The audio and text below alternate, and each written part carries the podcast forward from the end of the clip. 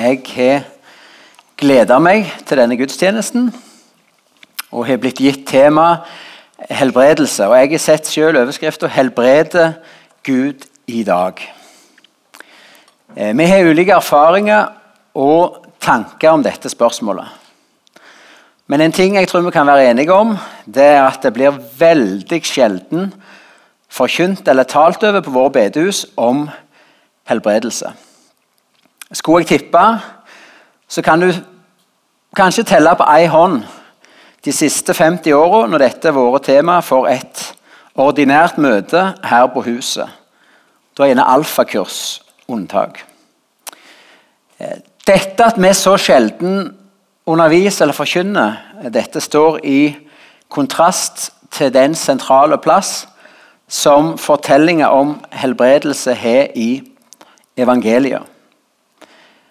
Jeg har ikke finregna på det, men omkring en fjerdedel av evangeliet handler om hvordan Jesus går rundt og gjør ulike helbredelser og under. For noen av oss så er dette med helbredelse et sårt og vanskelig tema. Hvorfor helbreda du ikke Gud mor? Hvorfor greip du ikke inn når dattera mi ble så hardt ramma? Hvor var du da? Hvorfor lot du det skje? Bryr du deg ikke om at vi har det så vondt og vanskelig? Andre av oss, kanskje spesielt de som akkurat nå sjøl er friske og raske, eller ikke akkurat nå har alvorlig sykdom i nær familie, tenker kanskje ikke så mye over dette med om Gud helbreder. Men det som er sikkert, og det gjelder for oss alle, før eller seinere så vil vi alle få sykdom og død tett inn på oss. I vår egen familie og på vår egen kropp. Så spørsmålet 'helbreder Gud i dag' er et spørsmål som angår oss alle. Jeg skal ikke prøve å si alt som kan sies om dette emnet. Det vil være nyanser, problemstillinger, som jeg ikke berører. Men i dag skal vi først se på Jesus sitt eksempel. Hvordan han gikk rundt og helbredet. Så skal vi se på tre nøkler for å forstå helbredelse. Før vi til slutt ser på det oppdraget som Jesus har gitt oss om å be for de syke. Jesus møtte og berørte utrolig mange mennesker når han vandra på jord. Han viste oppriktig omsorg. Han lot seg bevege av nød. Nøden til mennesket fikk Jesus til å handle. Den blinde Bartimeus, han fikk syn igjen. Enka som var i ferd med å begrave sin eneste sønn. Altså, Tenk deg for en fortvilelse. Enke å være alene i verden uten en forsørger og beskytter. Og så mister du den eneste sønnen din. Jesus stoppet det gravfølget, rørte med gutten og ga enka sønnen sin tilbake igjen. Spedalske ble rensa. Den lame som ble fjert ned gjennom taket av de fire vennene sine, han fikk både tilgivelse, sønnen dine synder tilgitt, og han fikk kraft tilbake i føttene. Stå opp, ta båra di og gå. Og den stakkars dama som hadde hatt blødninger i tolv år Altså, Tenk å blø i tolv år i sammenheng. Hun hadde brukt står i Bibelen alle pengene sine på leger som ikke kunne hjelpe. Hun hadde et siste håp. Hun strekte ut armen og så rørte hun i kappen, eller kanten på kappen til Jesus. Og så gikk det ei helbredende kraft ut fra Jesus, som gjorde hun i det øyeblikk frisk, gjenoppretta. Så utrolig mange mennesker når vi leser evangeliet, fikk erfare at det gikk ei kraft ut ifra Jesus. Ei kraft som enhver sykdom som møtte den krafta, måtte vike for. Ei kraft som førte helbredelse inn i livet til mennesket. Når vi leser evangeliet, så kan vi av og til få inntrykk av at Jesus helbreder absolutt alle. Alt og alle. Eh, men det stemmer ikke. Noen ganger så helbreder han bare få. Og Det står en plass om at pga. deres vantro så kunne han ikke gjøre mange helbredelser. Og i Jerusalem med Betestadammen der var det en stakkars mann som i 38 år hadde leie der og håpet at han skulle være førstemann uti når engelen rørte opp vannet så han kunne bli helbredet. Da helbredet Jesus den ene. Han som hadde leid der i 38 år. Men så kan vi lese tekster som viser liksom, Det var dimensjoner over helbredelsestjenesten til Jesus. For dette var noe med som ga dynamikk i tilstrømninga. For folk, ryktet begynte å gå om at denne mannen han gjør de syke friske. Og Det står bl.a. i Matteus kapittel 4, vers 23-24. Siden drog Jesus omkring i hele Galilea. Han underviste i synagogene deres, forkynte evangeliet om riket og helbredet alt sykdom og plager hos folket. Ryktet om han spredte seg over hele Syria, og de kom til ham med alle som hadde det vondt og led av forskjellige sykdommer og plager, både de som hadde onde ånder, de månesyke og de lamme, og han helbredet dem. Det var turbulens. Det var en tilstrømning. Det var mange som ble berørt. Mens andre ganger så var det den ene. Hvordan helbreda så Jesus? Eller det kan vi si, det var jo ikke sånn at det var slutt på sykdom og død i Israel, selv om Jesus gikk rundt. Helbredelsene hadde en funksjon utover å hjelpe mennesker i nød. Det skal vi se til på litt senere. Hvordan helbreda Jesus? Var det en spesiell metode han brukte? Da kan jeg først si nei. Det var ikke en sånn hemmelig oppskrift som var hemmeligheten bak helbredelsene. Ofte så gjorde Jesus det ved sitt ord. Han sa til de spedalske 'bli reine'. Han sa til de lamme 'stå opp og gå'. Jesus talte et ord som hadde autoritet og kraft til å skape det det nevnte. Så et helbredelsesord for Jesus er et skaperord. Det han sier, det skjer. Andre ganger så helbreder Jesus ved håndspåleggelse. Kan vi lese et vers i Lukas 44? Ved solnedgang kom alle til ham med sine syke, som han hadde mange slags plager. Han la hendene på hvert enkelt av dem og helbredet dem. Veldig mange fikk ei hånd fra Jesus lagt på seg. Og Det førte legedom inn i livet. Andre ganger igjen, kanskje ikke så ofte hvis du regner tallmessig i evangelien, så brukte Jesus også et annet ytre tegn. Spott. Ved en anledning så tok Jesus og spotta på øynene til en blind. En annen gang så spotta han i jorda rørte til ei lita gjørme. Klinte det på øynene og sa 'gå og vask deg rein'. Og så I begge disse anledningene ble menneskene helbredet. Det avgjørende var ikke om det var ved håndspåleggelse, et ytre tegn. Men det avgjørende vi forstår, er at Jesus har makt og autoritet til å helbrede. Og et ord ifra han er nok. Så kan man spørre hvorfor helbreder Jesus mennesket? Vi har sagt det var omsorg for den enkelte. Men det hadde også en videre funksjon. Jesus sine helbredelser var tegn på at Guds rike var kommet nær. Når Jesus starta sin forkynnelse, sa han 'Vend om, for himmelriket har kommet nær'. Matteus 4, 17. Jesus brakte Guds rike, himmelriket, nær. Og helbredelsene det var vårtegn, om du vil, på at kreftene fra et nytt rike var virksom i denne jord, prega av sykdom og død.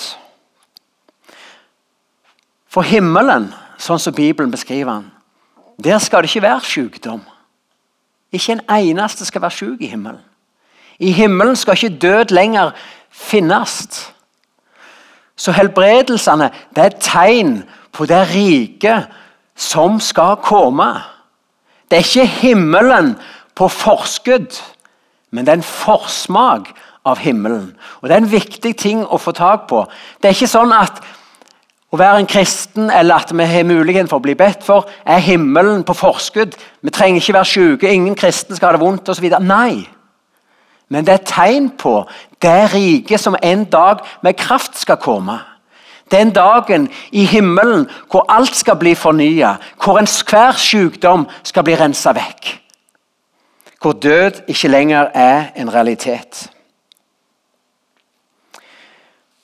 Og da For å forstå at dette er et tegn på en tid som skal komme, men som allerede nå vitner om en kraft som virker her og nå, altså Guds kraft, så er det gjerne viktig å si at eh, pga. syndefallet Det at Adam og Eva var ulydige mot Gud, så forandra Gud på spillereglene og livsvilkårene her på jord.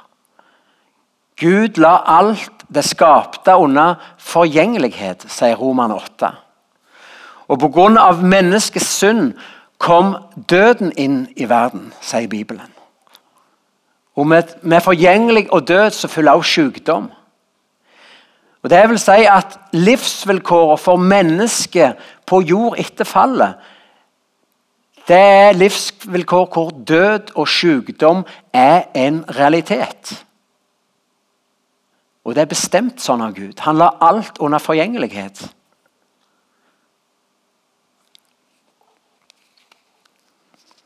Men Da kan vi gjerne også si som en sånn hovedregel Noen, tenk, noen tenkte og det tenkte jeg på Jesus i tid, at sykdom er straff, individuell straff for synd til den enkelte. Som en hovedregel så er det ikke det.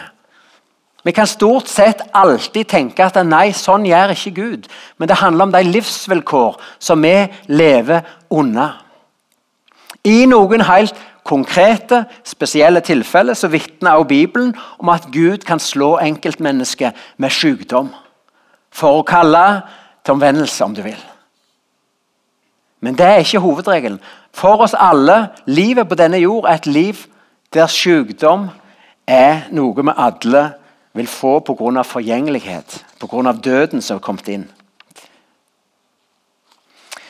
Så når Jesus gjør tegn, så vitner han gjennom dem om den himmel som en dag skal komme med full kraft. Og de tegn og helbredelser Jesus gjør, de vitner også om hvem Jesus sjøl er. Han taler, bli rein, stå opp, gå, bli seende. Han truer til med svigermor til Peter, så truer han feberen ut av kroppen på henne. Akkurat som han truer bølgene og vinden. Legg dere ned, bli stille. Med sitt ord så viser han sin makt, og det får oss til å tenke tilbake på skapelsen. Gud skapte, og skapningen var til på grunn av kraften og autoriteten i Guds ord. Når Jesus går rundt og taler ord til helbredelse, så er det skaperen som gjester sin skapning. Var det noen som kunne hjelpe oss i vår sykdom og nød, så er det han som er forma skapt oss. Han som kjenner hver minste krinkelkrok i cellenes oppbygning. Han som ser og vet alt. Det er han som taler ord til helbredelse.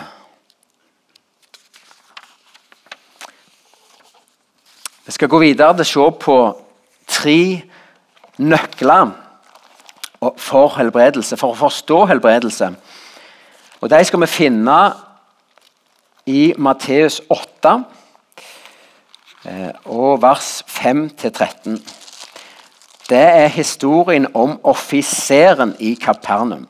Vi leser den.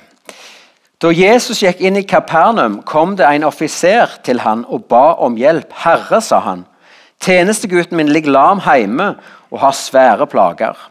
Jesus sa, 'Jeg skal komme og leke han.' 'Herre', svarer offiseren, 'jeg er ikke verdig at du kommer inn under mitt tak.' 'Men si bare et ord, så blir tjenestegutten min lekt.' 'For jeg må sjøl lyde de som er over meg, og jeg har soldater under meg.' Sier jeg til en gå, så går han, og til en annen kom, så kommer han. Og til tjeneren min gjør dette, så gjør han det. Da Jesus hørte det, undret han seg og sa til de som fulgte han, Sannelig, jeg sier dere, ikke hos noen har, i Israel har jeg funnet ei slik tru.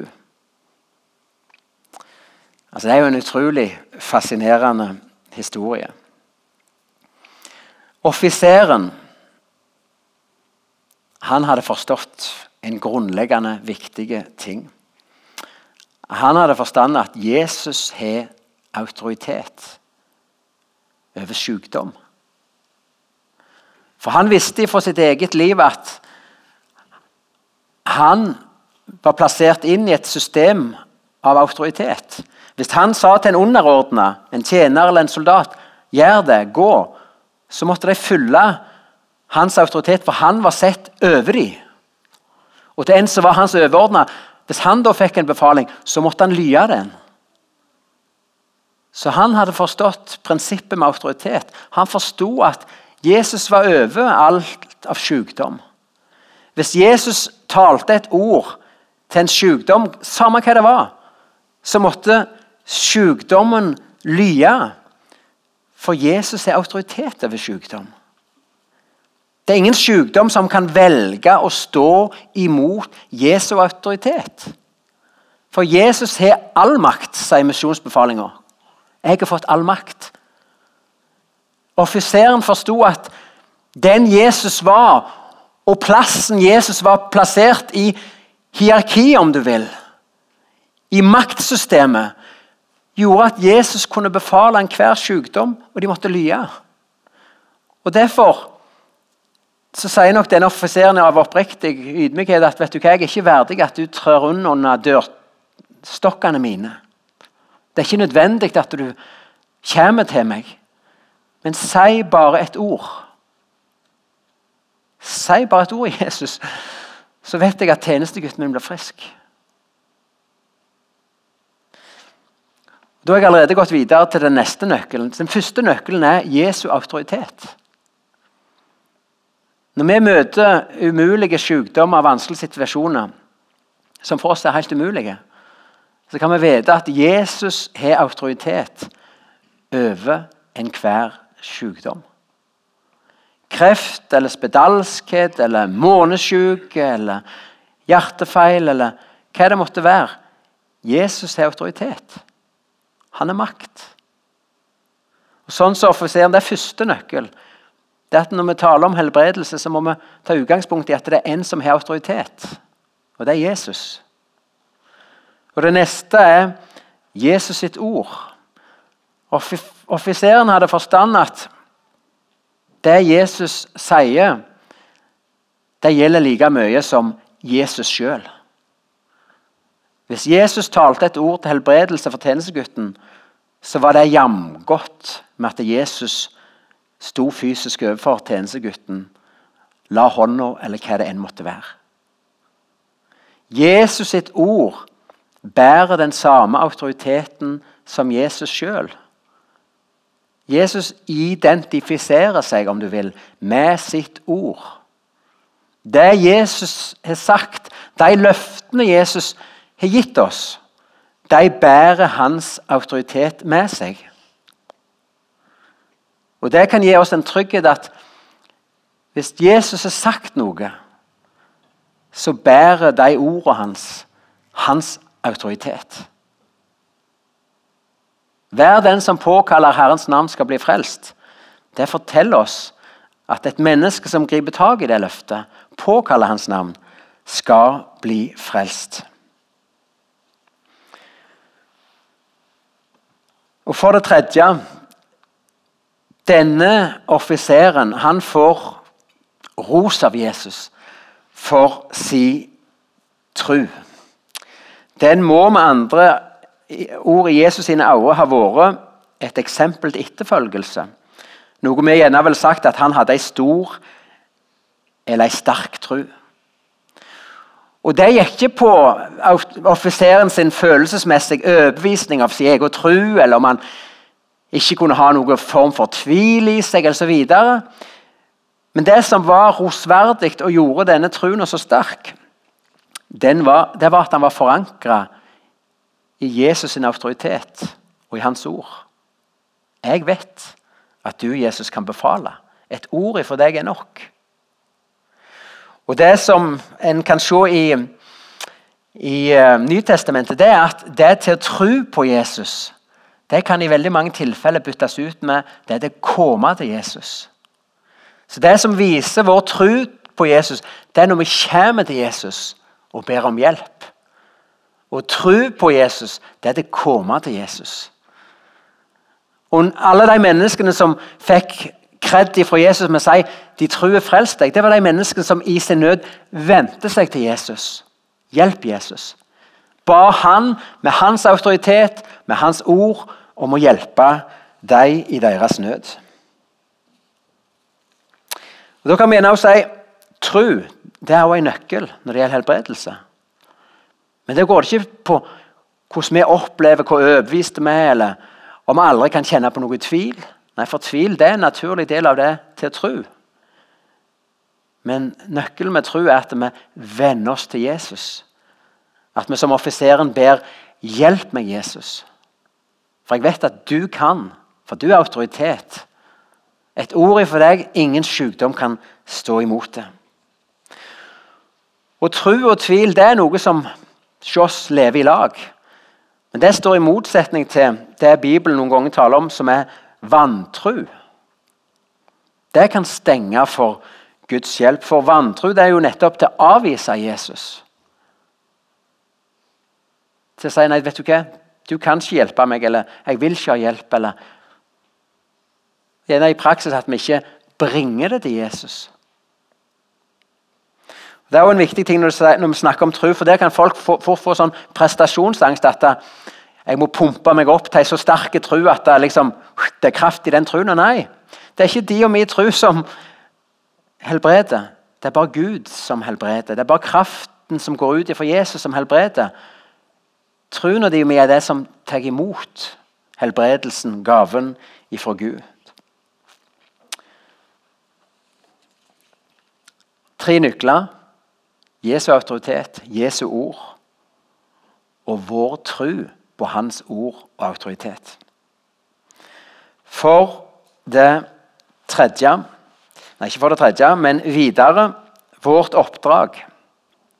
Vi sitter at Jesus hadde et oppdrag med å be for syke, helbrede. Nå skal vi se på hva Bibelen sier til oss. I Lukas kapittel 10 vers 9 så står det 'Helbred de syke og si Guds rike er kommet nær'. Og Det står i Markus kapittel 16 vers 17 og 18. Og disse tegn skal følge dem som tror. Og når de legger hendene på syke, skal de bli friske. Det er slutten på misjonsbefalingen i Markus. Og Jakob kapittel 5 og vers 14 og 15 så står det Er noen av dere syke, skal han kalle til seg de eldste i forsamlinga, og de skal be over han og salve han med olje i Herrens navn. Og bøna som er båren fram i tru, skal berge den syke, og Herren skal reise han opp. Altså Ut ifra disse versene, og vi kunne funnet mange flere, så er det ingen tvil om at Jesus kaller oss som et fellesskap og som et folk til å forkynne evangelien. Til å forkynne muligheten for frelse og tilgivelse pga. det Jesus gjorde på korset. Og til å be for de syke og si at Guds rike har kommet nær. Det går ikke an å bortforklare dette sånn som jeg ser det. Jesus kaller oss til å be for de syke. Disse tegnene skal følge de som tror. Det vil si at det er et tegn på et kristen fellesskap, at vi er et fellesskap også som ber for de syke iblant oss, og også de vi ellers får anledning og mulighet til å be for. Så dette er noe Jesus ber oss om å gjøre det, men så kommer vi jo til det som gjerne er vanskeligere, sånn som vi opplever det, det å praktisere det. Hvordan skal vi gjøre det?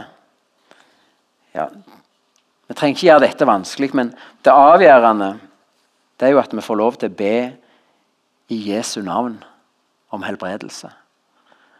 Å be i Jesu navn vil si at vi ber på grunnlag av Vi ber på grunnlag av den autoritet som Jesus har over sykdom. Og så ber vi i samsvar med hans vilje, som vi nettopp har konkrete ord på, der han ber oss be for de syke. Så vi kan på en måte fraskrive oss ansvaret for resultatet. For Jesus, du bedt oss om å be for de syke. Du har selv demonstrert dette for å gi tegn på at Guds rike og de nye kreftene er virksomme i en verden preget av sykdom og død. Så etter ditt ord, i samsvar med din vilje, Jesus, så vil vi nå be for de syke iblant oss.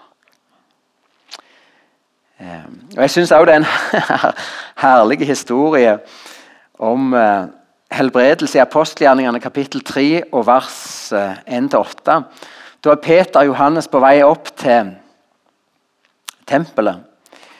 Og der tror jeg, Hvis jeg ikke skal sitere dette feil, det er en kar som har sittet der i årevis. En lame som er blitt båren, og sitter der og tigger om eh, Helt ifra mors liv har han vært lam. Hver dag så ble han sett ned med tempelporten. Og Hver dag så strekte han fram ei hånd eller ei skål og så ba han om almisse, om, om en liten slant. Og Den teksten gir oss ingen grunn til å tenke at den mannen liksom tenkte at i dag skal jeg bli frisk. For han spør Peter og Johannes om å få noen ører av dem, en liten slant. Helbredelse var ikke i tankene hans. Og så svarer Peter Det viser bare hvor suverent Gud kan handle. At Gud kan helbrede den som aldri har tenkt på å bli helbredet. For Peter svarer at han sølv eller gull har jeg ikke. Altså, Jeg kan ikke fylle oppi den koppen din. Men det jeg har, vil jeg gi til deg. I navnet til Jesus Kristus, nasareeren, stå opp og gå. Jesus, nei, Peter sa vet du hva, jeg, jeg har ikke noe penger å bidra med, men jeg har et navn. Jeg har et navn som det går ut helbredelse ifra. Jeg har et navn som har kraft til å reise deg, og i hans navn stå opp og gå. Så ble den mannen som fra mors liv hadde vært lam, som egentlig bare ba om noen øre, han ble helbredet. Han fikk så utrolig mye mer enn det han bedde om. Sånn, sånn, kan Gud være. Sånn er Gud. Eh, Sjøl har jeg hatt en sånn opp og ned-forhold til det å be for syke. Jeg er bedt eh, for en del syke og vært veldig på i perioder, mens jeg har vært ganske av i perioder. Men jeg vet at det er noe Jesus ber meg og ber oss om å gjøre. Tenkte jeg skulle dele to bare sånn historier. Eh, først vil jeg dele historien om en mann som heter O. Ja, la oss kalle han Ole. Jeg hadde visst og kjent han helt siden jeg var unge. For en del år siden så ble han alvorlig kreftsyk, og jeg tenkte sånn på han. Han var ikke en kristen mann. Jeg tenkte sånn at jeg skulle ha fått bedt for han. Men så er det en terskel. Jeg har sikkert ikke snakket med Ole på 20 år. Vi ringer oss og sier bare at jeg har tenkt sånn på han om, om han ville at jeg skulle bedt for han. Salva bedt. Om jeg eventuelt også kunne ta med meg en. Ja, det hadde han veldig lyst til. Så jeg ringer til En del av dere vet hvem Terje Høylande Han jobber inne i Imi-kirka og er også aktiv med å be for syke. Så vi reiser til Ole og har kaffe og sikkert en liten kake. og Får høre om hans situasjon, får salve bedt for han, og det gjør vi om to eller tre ganger. Men det går bare én vei med Ole. Han blir tynnere og tynnere og mer og mer preget av sykdommen. Og jeg lurer på om det var tredje eller fjerde gang vi var hos han, så deler vi evangeliet, så sier vi det at og Da hadde vi også med oss som kom feire nattvær, så sier vi at det er en helbredelse enda viktigere enn kreften. Og det er å få hjertet sitt rensa. Om han hadde lyst til det. Og det hadde han lyst til. Så vi får, ha, vi får be for han, vi får feire nattverd i lag. Men vi får også følge han til grava. Dette kan du godt si er historien om en helbredelse som gikk feil. Men jeg vet ikke.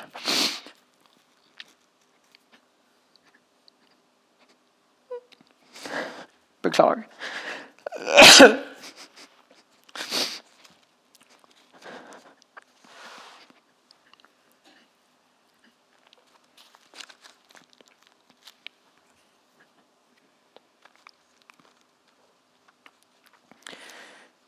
Tiril hun er ikke klar over at jeg skal nevne hun nå, men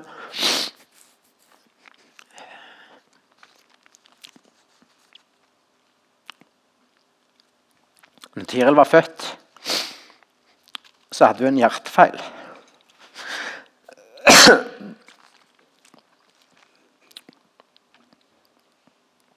Ikke bare en bilyd som mange har, men hun hadde et ekstra hull i hjertet. Hege gikk jo helt i kjelleren. For legen sa bare at hun har en hjertefeil. Ja, hva betyr det? Ja, hun kan iallfall ikke bli noe toppidrettsutøver. Jeg vet ikke om du blir det uansett. Jeg gikk så i kjelleren. Jeg måtte flytte inn på fikk dobbeltrom og bo på sykehus med. For. Vi ba for Tiril, og vi ba og andre måtte ba, be. Og da var jeg prest i bymenigheten i Sandnes. Takk. Og Da hadde vi delt med noen gode bønnedamer om de kunne be for Tiril. Og så var det ei av dem, Liv Snøve Tveit. Hun kom etter en gudstjeneste som ga oss det. Hun hadde blitt så minnet om at Tiril hadde et gullhjerte. Så hun ga oss et smykke. Et gullhjertesmykke.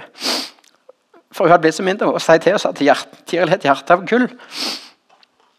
Og da tok vi det også som en, at Gud har sett Tiril, og at hun har et godt hjerte. Så på seksvegerskontrollen, når hun skulle inn der til legen, så sier Hege det til legen at Tiril er nok frisk, for vi tror at det ordner seg. og Legen lytta rundt og fant ingenting. Så det hullet hadde ja, blitt lekt. For Tiril hadde et hjerte av gull. Og For oss så var det stort der og da å oppleve. Men for å sette det i perspektiv, så Den helbredelsen som Ole fikk av sitt hjerte, den gjelder inn i evigheten med både mitt og Tiril sitt og alle sine hjerter her, kommer en dag til å stoppe på denne jord hvis ikke Jesus kommer igjen før.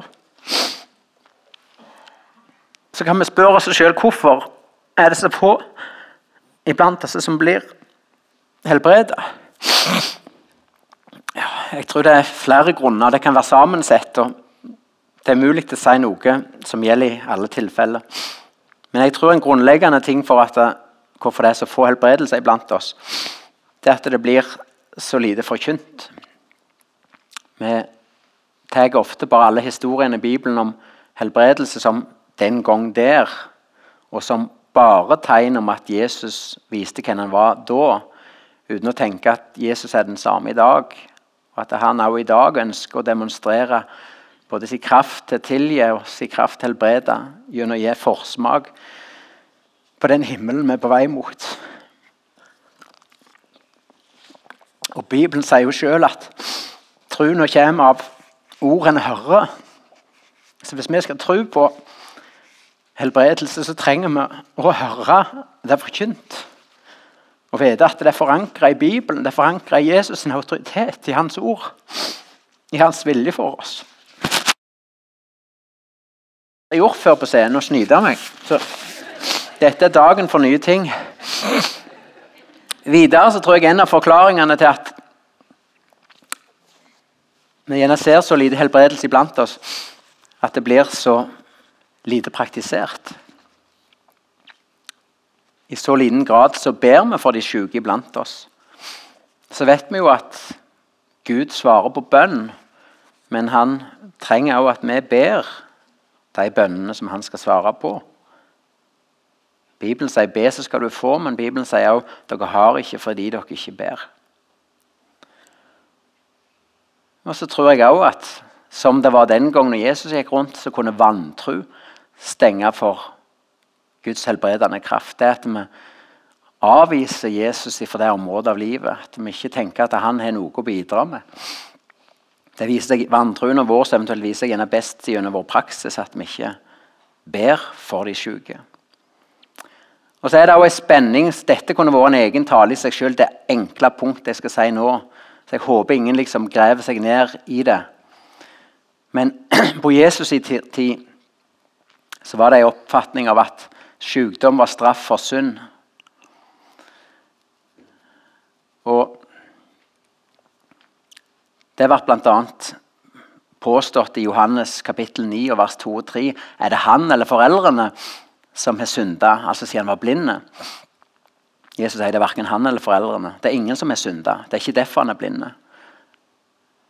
Men dette er en anledning for Gud til å vise sin makt. Så det er på en måte hovedregelen at sykdom og synd er ikke en straff for noe galt vi har gjort, men det er livsvilkåret å leve på denne jorda. Men ei lita spenning. Men det står også i Bibelen, i Jakobs brev, kapittel 5, vers 16.: Bekjenn syndene for hverandre, så dere kan bli helbredet. Og Det forteller meg, eller forteller oss, at ja, bitterhet, uoppgjorthet, kan stenge for Guds helbredende kraft inn i livet vårt. Ja, det tror jeg. Så la oss være et folk som både ber for hverandre, bekjenner for hverandre, sånn at Gud kan få helbrede oss og leke oss. Jeg er overbevist om at Gud fortsatt helbreder. Så svar på åpningsspørsmål helbreder Gud i dag er et rungende ja. Gud helbreder og kan fortsatt helbrede. Og han ønsker å vise sin autoritet og sin makt gjennom vår maktesløse hender når de rettes mot han med bønn om hjelp. Jesus er den samme i dag som den gang han vandra fysisk rundt i Galilea Judea. Det er det samme livet og den samme krafta som strømmer ut fra han i dag, til frelse og til helbredelse for mennesket. Jesus har også i dag autoritet og makt over all sykdom. Han som befalte de spedalske å bli rene, de blinde å bli seende, de lamme å gå og de døve å høre, han kan også helbrede deg og meg for vår sykdom i dag. Jesus sin helbredelse den gang gikk sammen med forkynnelse av Guds rike. Helbredelse var den gang, som også i dag, tegn på at Guds rike er kommet nært, og at vi som Guds folk er på vei mot den dagen da vi i himmelen skal erfare full frihet fra synd og sykdom. Mens vi er på vandring og vei mot vårt mål, himmelen, så blir vi syke, og vi møter mennesker som er plaga av sykdom. Og også i dag vil Jesus med helbredelse som tegn oppmuntre oss og vitne om den frihet og den fulle frelse som venter oss hjemme i himmelen.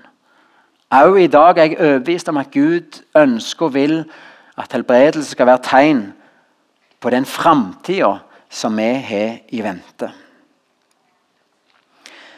Jeg tror at det som mest heller helbredelse vekker fra oss, er at vi ikke forkynner og praktiserer det. Så i dag har jeg tenkt å avslutte talen med å invitere til forbønn. Jeg kan ikke helbrede noen som helst. Og min tro kan ikke i seg selv hjelpe noen. Men jeg tror på Jesu navn. Og jeg tror at i det navnet så ligger det kraft til helbredelse. Jeg tror at det i dag strømmer kraft til legedom og helbredelse for Jesus. Jeg tok med ei oljeflaske. Og nå etterpå vil jeg gå og stille meg ned forbi scenen. Og Hvis du bærer på en eller annen sykdom og ønsker å bli bedt for, så kan du komme fram. Så vil jeg salve deg i Herrens navn. Jeg vil tegne et korsmark i pannen din. Og så vil jeg be ei helt kort bønn om at helbredende kraft ifra Jesus skal fri deg ifra din sykdom. Jeg kan ikke gi noen garanti om en eneste helbredelse, men jeg kan love deg at jeg vil be for deg, og at Jesus ser og hører vår bønn. Og så er det en sang som liksom har svevet i meg denne siste uka. Og det navn, Den strofa der er 'Navnet over alle navn'. Navnet over alle navn er Jesus. Jesus. Overflod av kildevann strømmer ifra Han og bringer liv og helse, frihet og frelse fra vår Gud. Vi reiser oss, og så står vi sammen. Og Hvis det skulle være noen som vil benytte seg av den anledningen, så er dere hjertelig velkommen fram.